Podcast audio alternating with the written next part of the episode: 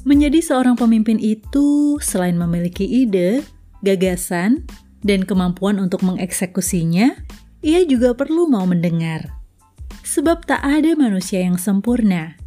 Demikian pula, tak ada pemimpin yang sempurna. Sebaliknya, sebagai seorang anggota, tidak melulu melaksanakan apa yang diperintahkan pimpinan.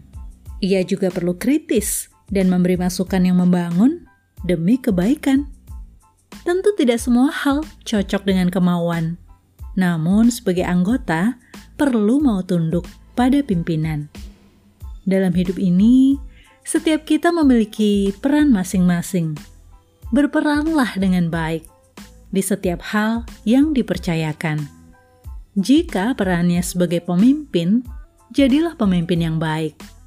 Sebaliknya, jika perannya sebagai anggota, jadilah anggota yang baik. Jangan peran anggota pengennya mimpin, atau pemimpin yang kayak anggota, alias nggak bisa mimpin.